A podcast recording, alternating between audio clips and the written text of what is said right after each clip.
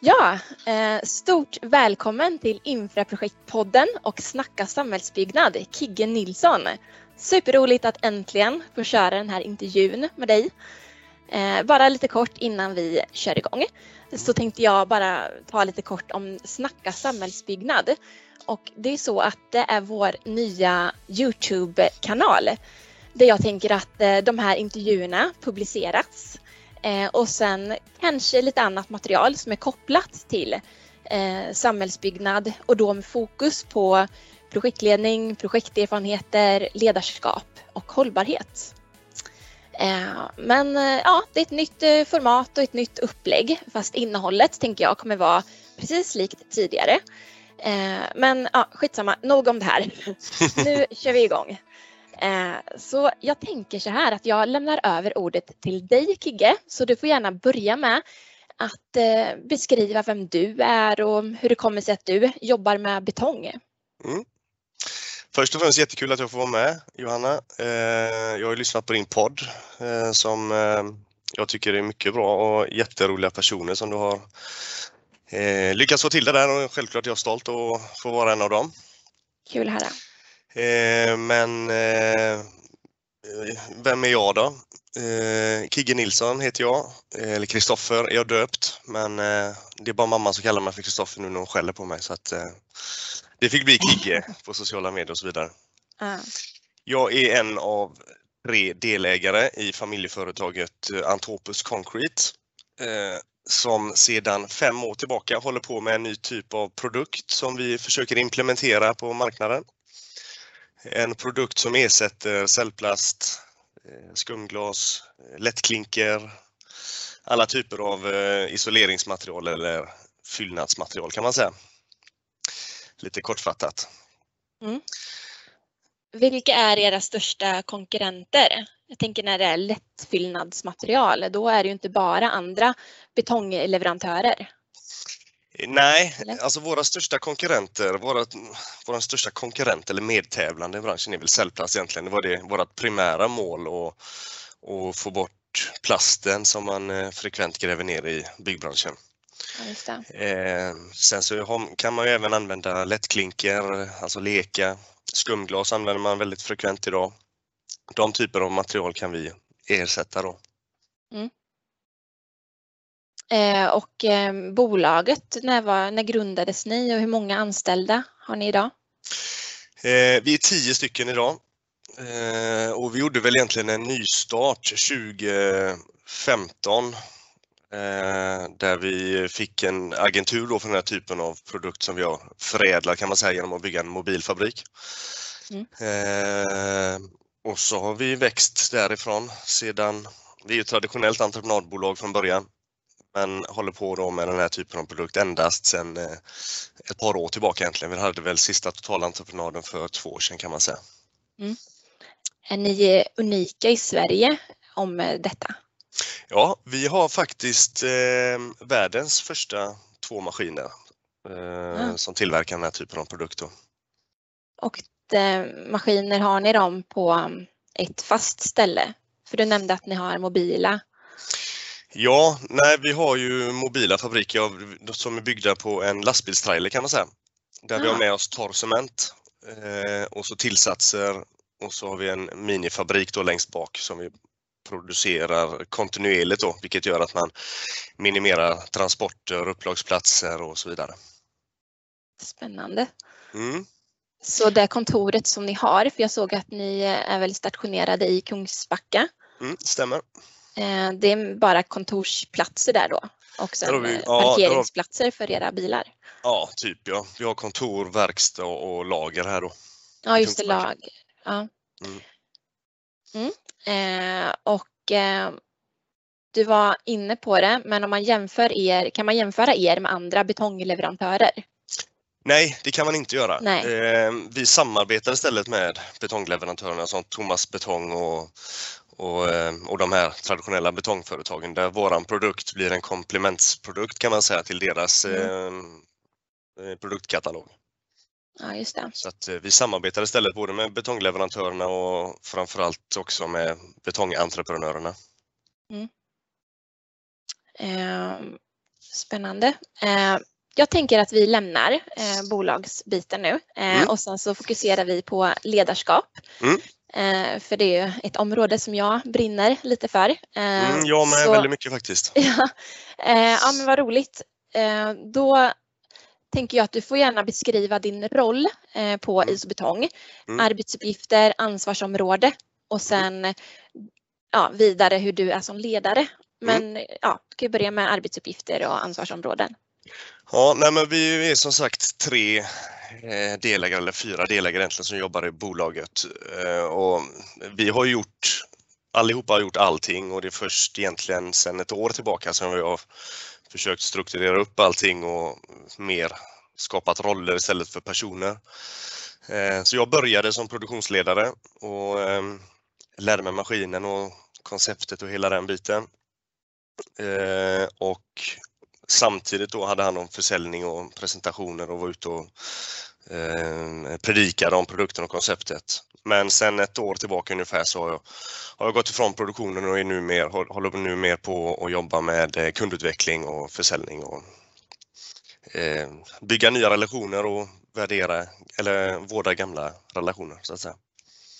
Mm. Eh, så det är min eh, roll just nu. Och det är ganska nytt. Jag är ju byggnörd mm. i grund och botten och är, har alltid varit väldigt praktiskt lagd. Och, och med det då, när man var i byggbranschen och byggde en betongplatta eller en vägg så var det väldigt lätt att mäta liksom resultatet. Nu så är det mycket svårare. Nu är det först vid bokslutet om man når budget eller inte som man mm. kan mäta resultatet i min nya roll då, vilket är en utmaning. Men har du nära kontakt med eh, produktionsledare? Ja. Och så? Ja. ja, det har vi. Vi, vi är ett litet bolag med en, mm. med en väldigt ja. plan och organisation om man säger så att eh, vi jobbar väldigt nära varandra och eh, eh så att ja, jag får, vara, jag får vara med i produktionen ibland också när man, när man vill. Bara för ja, att det är kul. Eh, på vilket sätt skulle du säga att du eh, är en ledare och leder?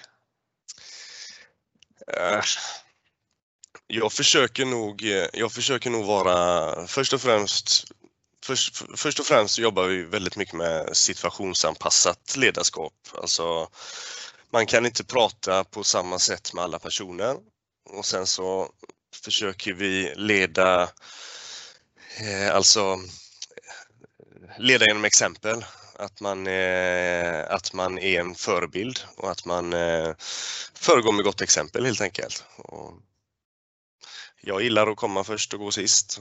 Och, mm. Eh, och, nej, men det, det, är många små saker som, som gör en bra ledare tror jag, men mm.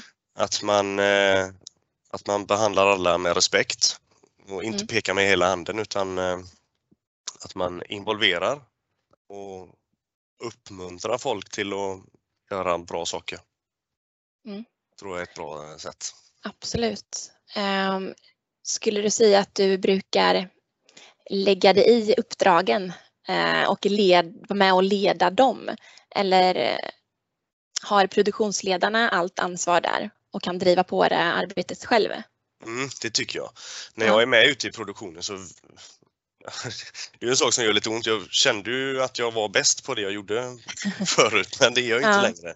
Nej. Så när jag är med ute så försöker jag alltid eh, sätta mig, lägga, eller ställa mig i bakgrunden och, och liksom, eh, låta produktionsledaren eh, leda och berätta för mig vad jag ska göra. Även om, liksom för att låta honom ha taktpinnen och ha det mandatet. Och, för det, det tror jag gör att han känner sig trygg i sin roll.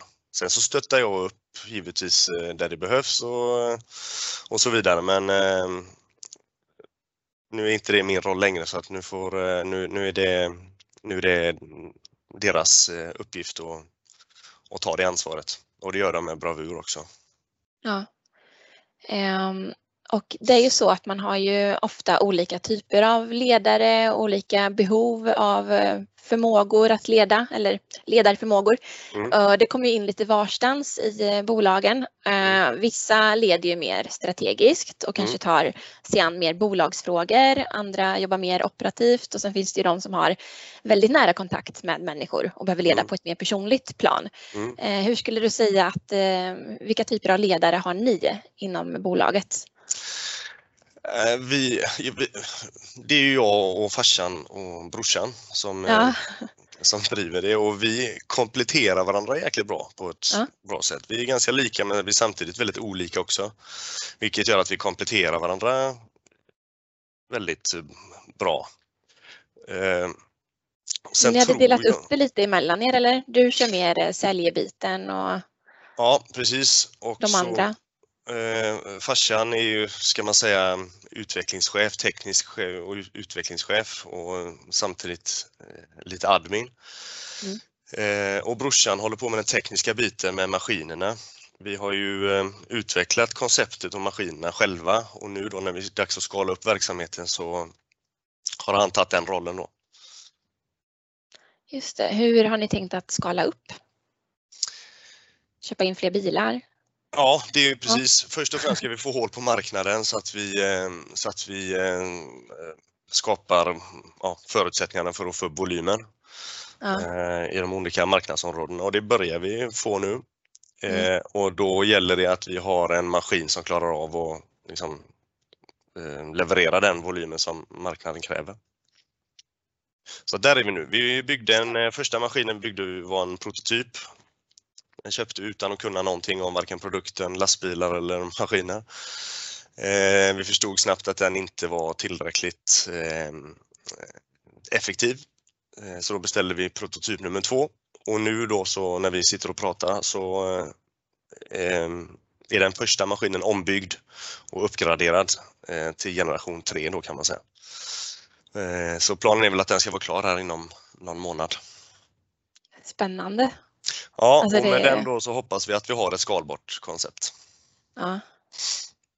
Just det, så att det är egentligen där som begränsningen ligger då just nu. Och sen öppna upp marknaden lite mer kanske. Ja, vi har ju, eh, eh, vi har ju testat produkten och fått den godkänd på RISE i alla då. Trafikverket är ju våran potentiellt största beställare då i, så nu har vi fått den godkänd och testad så att eh, nu gäller det bara att få hål på skalet ordentligt så man, eh, så man kommer in hos alla byråer och sådär i tidigt skede. Mm. Eh, så det är väl egentligen den största utmaningen just nu. Ja, det förstår jag. Nu lämnade jag ledarskap lite, men jag blev så nyfiken. Eh, Men eh, ja, ledare, ni är ju eh, ja, eh, fyra stycken då egentligen som driver själva bolaget så. Ja, det kan man väl, ja, det kan man väl Eller säga. som eh, har den här mer strategiska biten. Ja, det kan man väl säga. Sen har vi tagit mycket hjälp av eh, personer utifrån för att få den. Vi är som sagt praktiker från början och små Ja. snickare egentligen från i grund och botten och Mm. har det här guldägget då i knät som kan bli hur stort som helst. Så att vi har tagit jättemycket hjälp av eh, personer runt, om, runt oss och krokat arm för att få strukturen och liksom eh, bolagsordningen eh, klar och strategin också. Just det, det är klart. Eh, sen har ni även produktionsledare. Mm. Har ni någon annan, någon annan typ av befattning? Ja, vi har faktiskt nu startat upp i våras här, eh, våra så kallade gröna strategier. Eh, där vi alltså där vi på ett seriöst sätt ska, eh, ska liksom kunna kommunicera det här, de- här mjuka värdena som vi, som vi är ute och predikar, att vi faktiskt, att, att vi faktiskt kan leva upp till det. Mm. Eh, Så vi håller nu på att ta fram ett miljöledningssystem som är kopplat till våra EPDer och LCAer och livscykelkostnader och så vidare. Som jag tror kommer vara ett eh, krav om man ska överleva i, i branschen framåt. Ja, Så att vi har en, eh, en hållbarhetsledare också. Mm. Som driver på den processen om man säger. Ja, för det känns ju som att den här klimatbiten är ju en konkurrensfördel som ni har gentemot Absolut. era... Ja. Eh, Så att eh, där är det väl absolut viktigt att göra ett bra jobb och få fram det på ett bra sätt. Ja men så är det. det och det Ja, det, ja det, det, det är nummer ett, två, tre på våran lista egentligen. Ja. Um, ja, jag kollar nu på den här presentationen att Mm. Isobetong levererar marknadens mest klimatsmarta lättfyllning. Mm. Och sen så har vi en myra där. Um, Mm. skulle du kunna säga några ord om det? Eh, ja, men alltså hållbarhet för oss är, eller hållbarhet för oss, hållbarhet är eh, egentligen tre grundläggande faktorer. Det är ekonomiskt, det är socialt och det är Mm. ekologiskt. Och eh, utan, utan en av de tre grundpelarna så är, är det inte hållbart på riktigt, eh, hävdar vi. Och pratar man ekonomiskt så gäller det att gäller det att man har ett bolag som mår bra ekonomiskt. Det ska vara ekonomiskt för kunden, för beställaren, för entreprenören. Eh, pratar man socialt så gäller det att man jobbar tryggt och säkert och skapar sig de bästa förutsättningarna på arbetsplatsen. Eh, att personalen mår bra både fysiskt och psykiskt. Mm, och då kommer man in lite på ledarskap. Ursäkta. Ja. Men eh, vilka egenskaper tror du är viktiga hos en ledare för att kunna uppnå en social hållbarhet? Eh, först och främst att alla känner att de trivs, att de utvecklas och mår bra. Mm. Och på vårat bolag och de som vi jobbar med, alltså även våra partners och leverantörer, eh, hävdar vi viktigt att, det, att man har roligt. Vi skrattar hur mycket som helst på jobbet och det är mycket flams, ibland allvaret som infinner sig när man ska implementera en ny produkt på marknaden. Mm. Mellan sju och, på morgonen och sju på kvällen säga, så tror vi att det är jävligt viktigt att man skrattar och har roligt och det är högt i tak och man eh, flamsar ibland nästan för mycket på att säga. Nej men det är väldigt viktigt att man har roligt. Och Absolut. att eh, den energin eh, smittar av sig lite grann på kunder och medarbetare och partners liksom. Så jag tror att det är viktigt att man har högt i tak och att man att man trivs tillsammans, att man känner sig trygg i det som man gör. Ja. Ehm, då kommer jag att tänka på ett klipp som jag såg på LinkedIn. För Mm. du är ju aktiv där. Mm. Eh, Så att då sprang du runt med eh, cyklop och simfötter. Det var ganska roligt.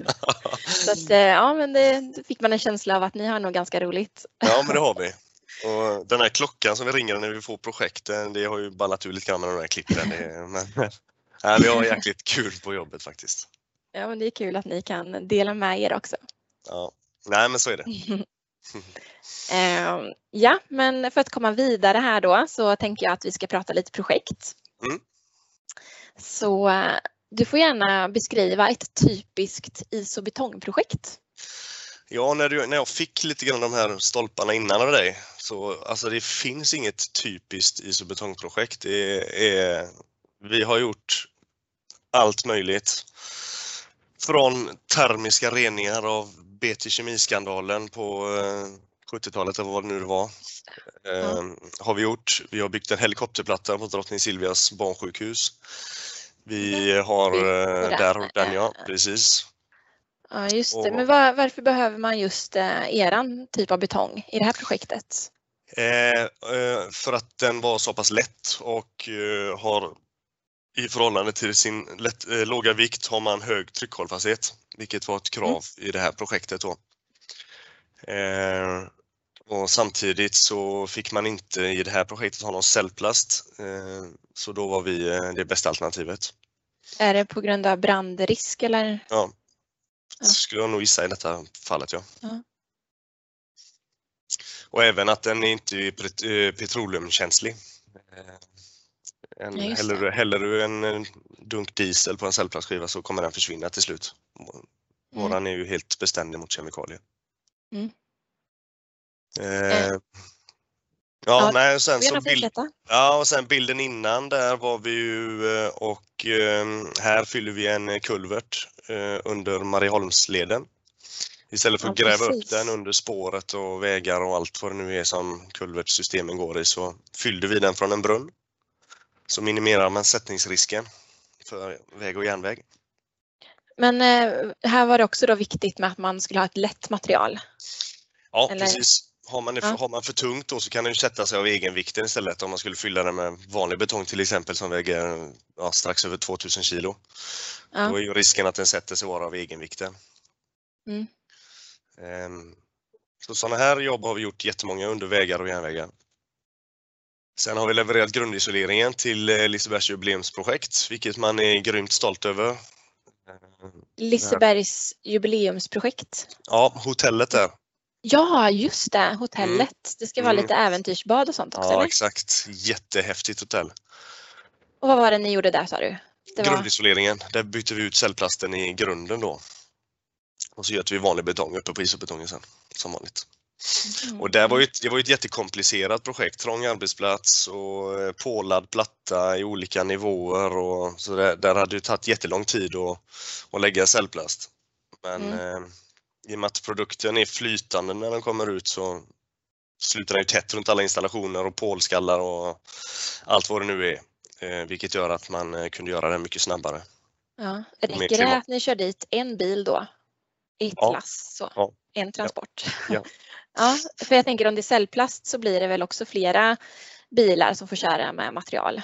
Ja, precis. Och sen är det ju spill så alltså våra Mm. konkurrenter, om man nu gillar inte det ordet, men om vi nu benämner Nej. konkurrenter så, så transporterar de egentligen 110, 115, 120 procent kanske. Medan vi transporterar Mm. bara 10 procent för att resten är luft som vi tar på arbetsplatsen. Mm. Ja, men det är en fördel alltså när man jobbar centralt. När det är Mm. mycket trafik och sådär så slipper man ju riskera att stå i kö till exempel. Och Ja, förlora tid på det sättet. ja, om vi nu pratar miljö också så är det ju Och jätte utsläpp. miljövinster och inte behöva transportera allt material utan eh, mm, luften finns ju överallt så det Ja. finns ju ingen anledning att transportera den. Tänker Ja. jag, som man gör i många mm, isoleringsmaterial. Då. Just det. Ehm, ja, och har ni genomfört några projekt där ni, som har stuckit ut lite och där du anser att ni har lyckats extra bra med någonting? Eh, ja, men jag tycker egentligen att eh, ja, vi har gjort jättemycket lyckade referensprojekt på alla våra marknadssegment, både i infra och även bygg då. Men den stora skillnaden som vi kan göra i branschen om man pratar klimatmässigt, det är ju volymprojekten där man, där man måste transportera stora volymer, Mm. långa sträckor. Där kan ju vi göra jätteskillnad. Eh, eftersom vi tillverkar direkt på arbetsplatsen. Och det är ju egentligen bara cementen som vi, som vi transporterar. Och i infraprojekt, ehm, vilken, ehm, vad är det ni ersätter då i infraprojekten? Ert material? Där ersätter vi, eh, idag byggs det ju på, ofta på dålig mark vilket gör att man Mm. behöver lätta material för att, inte, för att inte marken ska sätta sig. Mm. Eh, och då ersätter vi till exempel eh, leka eller skumglas eller eh, cellplast för den delen. Just det, så att det är uppbyggnaden av vägen eller är det tryck, nej inte tryckbank, det är uppbyggnaden av vägen då och bankarna? Ja, om man tittar på infrasidan så har vi som Ja. i bilden här, där har vi eh, där vi levererar kulvertfyllningar där man fyller Ja, rör. Det. Eh, sen så har vi även där, alltså vägunderbyggnad, Mm. eh, motfyllningar, eh, till exempel vid broar. Eh, Just eh, det. och eh, ja, ja, men lättfyllning traditionellt sett där det, där det är dåliga markförhållanden under Ja. väg och järnväg. Där, eh, där är vi konkurrenskraftiga. Mm. Även kostnadsmässigt. Mm. Man får en stor vinst och hållbarhetsmässigt men även Mm. till kostnaden. Ja. Ja, framförallt i volymprojekten man kan, alltså Mm. införsäljningsprojekten är ju, är ju rätt så komplicerade, det är ju rätt, så- rätt så tekniskt, vi behöver inte bli för tekniska nu men produkt, eftersom produkten är så pass lätt och jordmassor räknar man att de väger ungefär 1700 kilo. Mm. Och våran infraprodukt väger 180 kilo och våra konkurrenter väger 350 kilo upp till 600 kilo. Mm. Vilket gör att man kan minimera man kan minimera Mängden. schakt ja, och samtidigt inköpet av lättfyllning så du behöver kanske inte köpa lika mycket lättfyll av oss. Nej. Ehm, Så i de volymprojekten där vi har, som vi har vunnit, eh, där har vi eh, blivit, inte billigare för det är världens sämsta ord, men mer kostnadseffektiva. Ja, just det. På sista raden. Eh, och det här med uppdrag då. Eh, hur får ni vanligtvis in nya uppdrag? Är det via sociala medier eller era förfrågningar som kommer in på hemsidan eller är det du som sitter och ringer runt eller hur ser det ja, ut? Nej men, eh, ja, faktiskt sociala medier en hel del, eller nu LinkedIn. Sen jag fick min nya roll i bolaget så gav jag mig fan på LinkedIn just för jag hade fått så många tips att det var, det var en bra plattform. Mm. Eh, jag är själv eh, inte speciellt aktiv annars på sociala medier men just LinkedIn med jobbet har varit jättebra för oss. Mm. Men sen är det ju gamla kontakter och projekt som man ringer upp och presenterar sig och eh, sen håller man föredrag ute på byråerna, på skolor, knackar dörr, telefonförsäljning. Det är ju, det är ju eh, ja, men klassiskt. Ja. Vi har ju ja. några plattformar då där, man, där vi hittar projekt och sen så eh, ja, ser man igenom möjligheterna och sen så får man ta upp mm. telefonen och ringa och presentera sig och berätta vad man har. Just det. Mm. Eh, och vilka förutsättningar är viktiga för att ni ska kunna utföra ert jobb och eh, uppdrag på bästa sätt? Eh, förutsättningar, eh, om man tänker praktiskt så behöver vi endast vatten på arbetsplatsen. Så tar vi hand om resten. Okej. Okay. Mm. Eh, våran, alltså, vi, vi säljer ju inte egentligen inte bara en produkt utan vi säljer ju mer en, en tjänst eller en, eh, ett eh, koncept kan man väl säga. Vi eh, säger att vi tar ansvar från beställning till besiktning, vilket menas att du behöver inte ha någon egen personal som lägger ut det. Du behöver inte ha någon egen personal som du behöver inte ha några maskiner som gör det. Du behöver inte tänka på någon logistik eller någon deponi utan vi tar, vi, vi tar ansvar för hela biten om man säger. Mm. Eh, vilket vi upplever att våra kunder tycker är en fördel för att eh, eh byggtiderna blir kortare och kortare och eh, de stora byggarna har inte lika mycket egen personal längre och så vidare. Och deras maskiner kan göra annat medan vi är där och så vidare. Är det på det sättet som, eh, för jag läste det, att ni bidrar till en mer effektiv byggprocess. Mm. Är det främst då av det här skälet eller? Ja, dels maskinens kapacitet och eh, även också att man kan eh, kapa arbetsmoment och eh, korta tidplanen på den, på den vägen. Så att, ja. ja, ja. Eh, och här har vi, jag tog fram en bild här, eh, mm. där man ser eran bil som står uppställd. Så mm. att egentligen den här ytan som man kräver då och sen eh, tillgång till vatten när Exakt. ni utför ert jobb. Ja. Exakt. Här Hur är stor på, är bilen? Här är på Liseberg. Det är på Liseberg ja. Mm. ja. Det är en eh, 18 meters trailer. Ja. Så har vi en trailer till då, som vi har en extra cementficka som gör att vi kan ta emot fulla cementtransporter för att ytterligare minimera transporter. Det är riktigt häftigt, att, för det här är själva fabriken då? Ja, ja. det är fabriken. Ja, det är... Så längst, längst fram närmast eh, lastbilen om man säger, där har vi ju tillsatserna då. Ja. Och så på mitten har vi cementsilo, alltså torr, torr cement. Och så längst bak där det står en trappa eller en stege, där har vi själva produktionsenheten. Då. Mm. Eh, en fråga bara som dök upp nu, cement, för det är ju inte speciellt bra av klimatskäl. Mm. Det, det, kanske kommer, de forskar ju på det och sådär, mm. att göra den eh, bättre. Mm. Men skulle man kunna byta ut den mot, mot något annat bindemedel? Eh, nej, inte i dagsläget. Nej. Och som du säger så gör ju cement, eh, cementtillverkarna, om man säger så, på sitt håll jätteframsteg och nu hade Cementa någon presskonferens för, eller Heidelberg då, någon presskonferens för eh, någon vecka sedan bara om att eh, inom fem år så kan man köpa klimatneutral cement. Okay. Och det handlar ju om, det handlar om att man tar hand om CO2 då och, ja, och Som carbon capture storage. Precis. Mm. Sen så fick vi samtidigt ta del av förra veckan en forskning som var gjord eh, på ett universitet i Berlin som Cementa även också tittar på och ska verifiera den här då för våran sida då. Eh, inom kort här att cement eller betongprodukter och cementprodukter de käkar samtidigt CO2 under sin livslängd, någonting som kallas för carbon capture. Eh, Mm. Vilket gör att man kan på sin EPD då dra av upp till, på en betongprodukt upp till 15-20 procent. Ja, det är så pass mycket. Yes, men våran produkt i och med att den har så mycket luft i sig så, kan, så käkar den upp 100 procent av sin tillverkningskostnad på 49 dagar. Oj. Så om fem år så kommer vi kunna leverera en eh, klimatpositiv produkt. Ja, och klimatpositiv, då är det alltså att man eh, ja, kan Ja, köper, vi, köper, kö, ja, köper vi neutral cement som inte Ja. har någon klimatpåverkan vid framställningen eller tillverkningen så kommer den äta upp eh, CO2 under hela sin livslängd. Ja, just det, så att då blir det liksom att den suger upp ifrån atmosfären Precis, Ja. och marken då. och då en positiv effekt, klimatpositiv. Ja. Mm.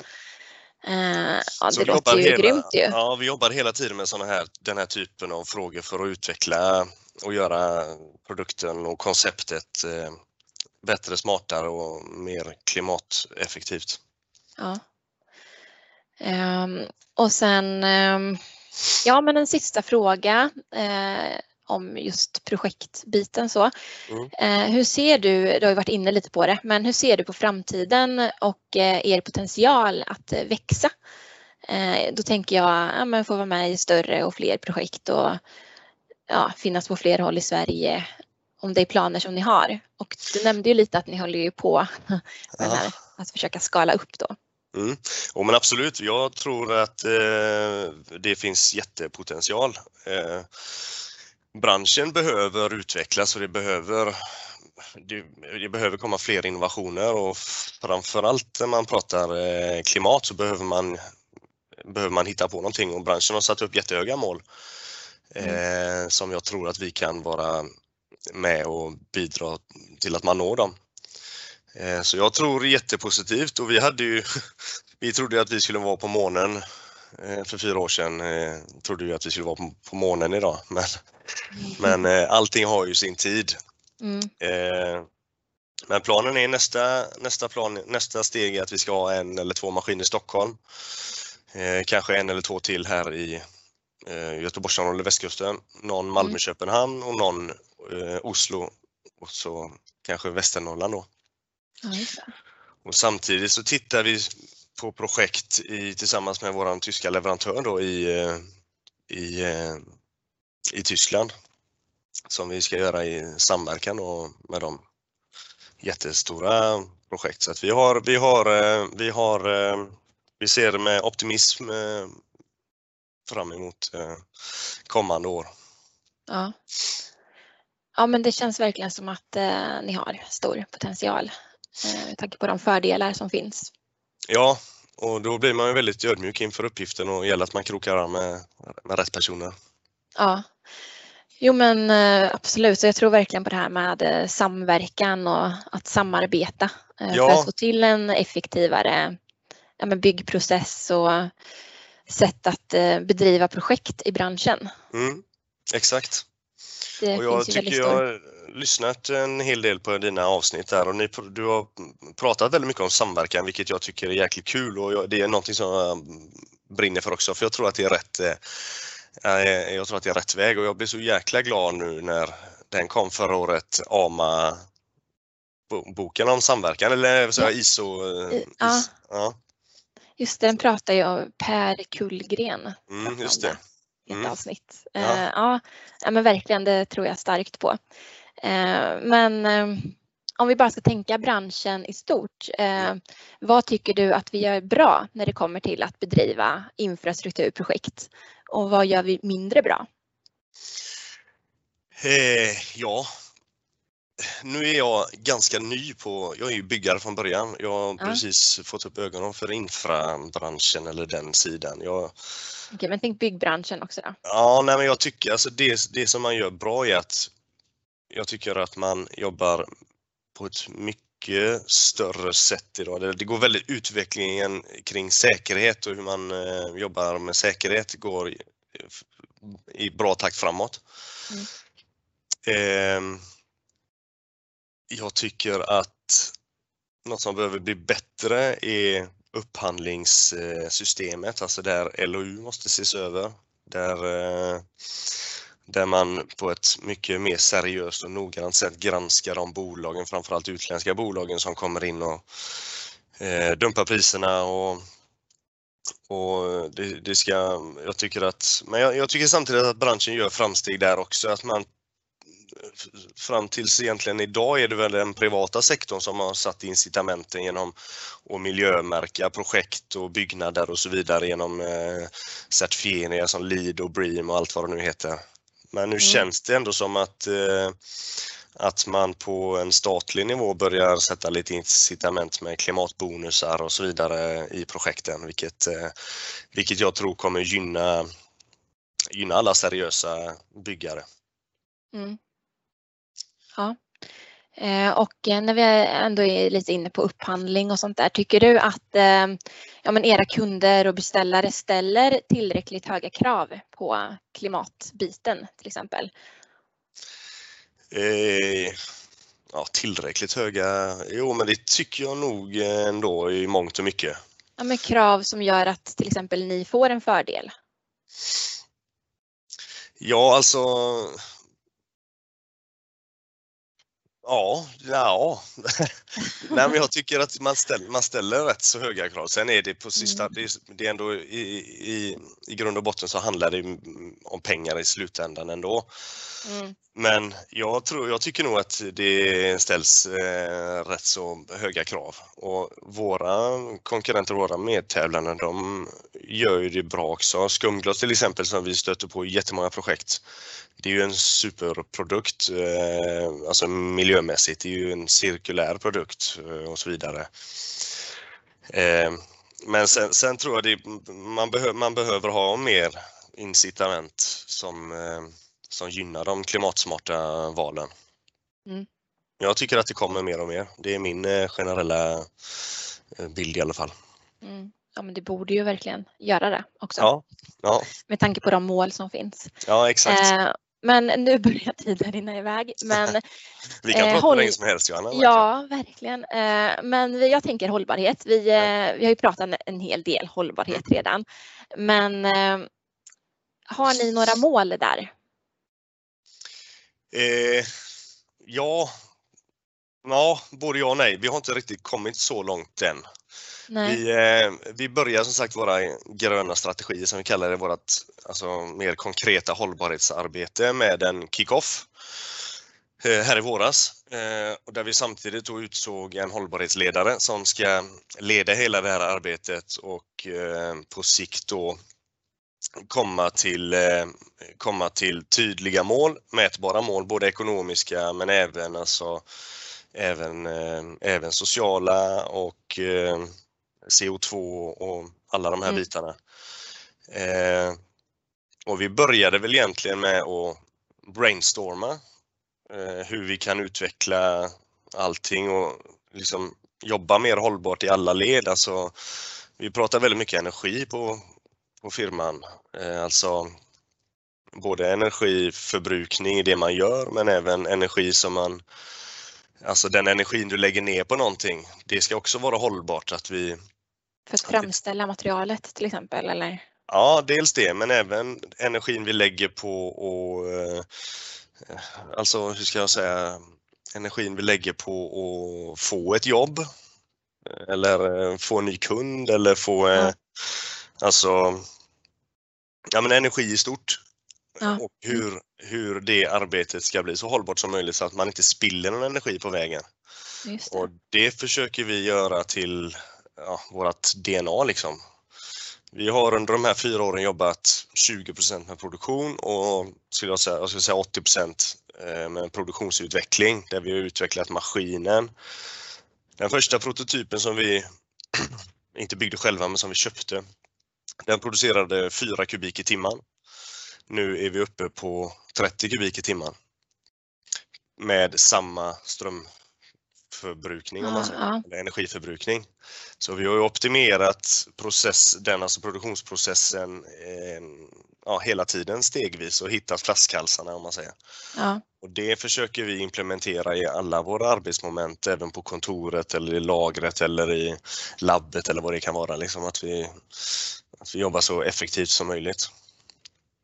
Ja, det låter verkligen bra och att ni är, på gång och Ja, på väg har- redan. och- Ja, nej, men det har ju varit våran stora konkurrensfördel från början och, och jobbar man inte aktivt med att utveckla det så tappar man snart, eh, tappar man snart fart tror vi. Så nu kom det ju upp då när vi hade den här kickoffen när vi fick brainstorma, vi blev indelade i olika eh, workshops då. då fick vi, så, liksom, så letade vi drömscenarier så då kom idén upp att varför tar vi inte fram en maskin om tio år som smular ner, eh, smular ner betonghus och så använder vi den produkten för att göra ny isolering eller lättfyllning till exempel. Då. Ja, Eh, och vi tittar på att driva maskinerna med solpaneler och liksom eh, Mm. vi försöker hela tiden flytta fram positionerna för att, för att eh, behålla, behålla farten. Ja, det är verkligen Så nu spännande. ska- Nu och ska sen vi när man börjar tänka mer ci- cirkulärt så, så då Mm. finns det ju mycket nya möjligheter Jajamensan. som öppnas upp.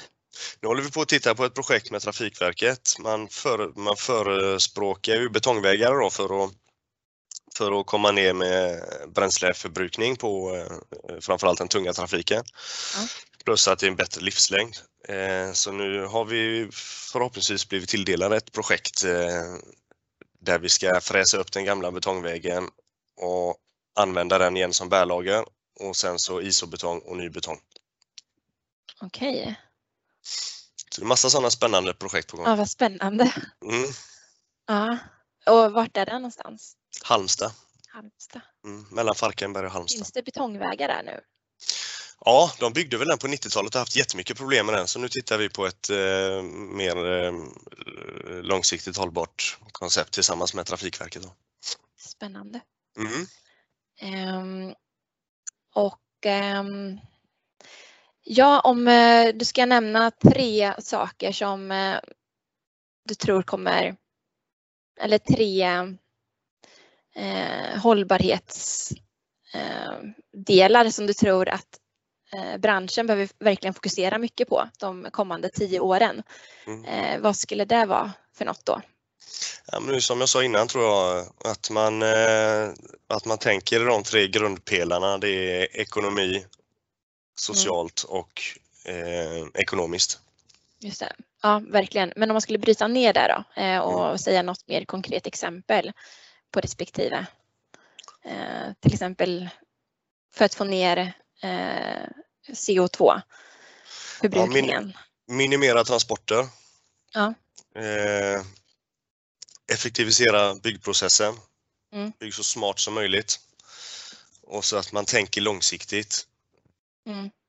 Eh, ja, långsiktighet tror jag är A och O.